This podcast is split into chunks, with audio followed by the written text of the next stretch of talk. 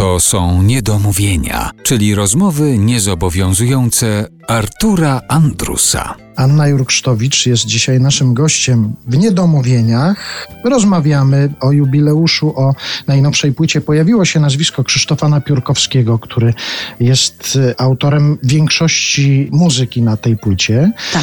Pani też gdzieś wspominała, że Krzysztof Napiórkowski wziął się trochę z samochodu. On pani towarzyszył, jego płyty towarzyszyły Tak. podczas podróży. Tak, aż doszło do tego że kilka lat temu, że go zaprosiłam jako wykonawcę do mojego koncertu.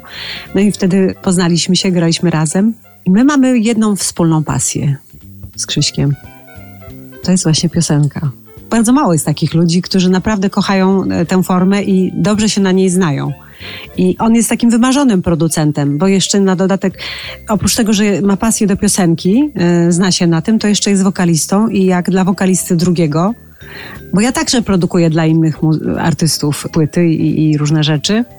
Ale właśnie tutaj mi, mi się przydarzyło coś niezwykłego, że właśnie inny wokalista wyprodukował wokalistce. I to jest niesamowicie się czułam taka zaopiekowana i zrozumiana. Bo wiedział, jak to jest Tak. potem to zaśpiewać, co się wymyślił. Tak, i no i w ogóle pilnował nie tylko spraw muzycznych, moich rejestrów y, wokalnych, ale również, który utwór na jakim mikrofonie będzie nagrywany. No to po prostu totalnie wielki świat. No.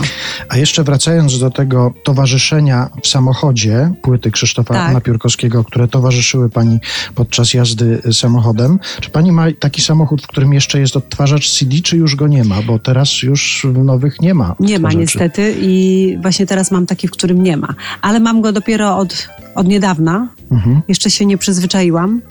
I też y, z płytami to jest tak, że oczywiście, że nie są już w tej chwili cenne, a niemniej jednak ja tę płytę wydałam tak, y, żeby była na najwyższym poziomie zrobiona i grafika. I proszę sobie wyobrazić, że są takie osoby, które to doceniły.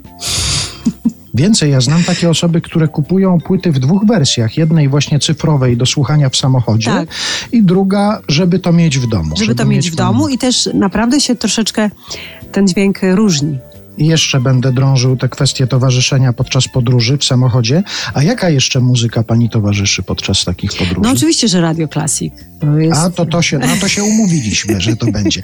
Ale jeżeli chodzi o taką muzykę, którą się wybiera celowo, to jest Areta, to jest Ella. Tak, to Ella to jest wiadomo, dla mnie tak jak matka właściwie. Wychowałam się na tym śpiewie. Areta tak samo. Mam jeszcze taką wokalistkę, którą uwielbiam, ona się nazywa Patty Austin. Ona, ona występowała przez wiele lat u Quincy Jonesa i właściwie no w Ameryce jest bardziej może znana niż, niż w Europie, ale fantastyczna wokalistka, która miała wielki wpływ na to, jak ja śpiewam. Na repertuar, który mi się podobał, to też. Ale też słucham klasyki bardzo dużo. Słucham Cecilii Bartoli, czy słucham sobie Anny Netrebko, Aleksandry Kurzak, Roberto Alania, gdyż jestem niedokończoną śpiewaczką operową. Niedokończoną, to znaczy taką, która przerwała Przerwała naukę. studia, tak. No więc y, to jak zdarza się właśnie wracać do klasyki, to ja wracam bardzo chętnie i doceniam i, i kocham ich wszystkich bardzo.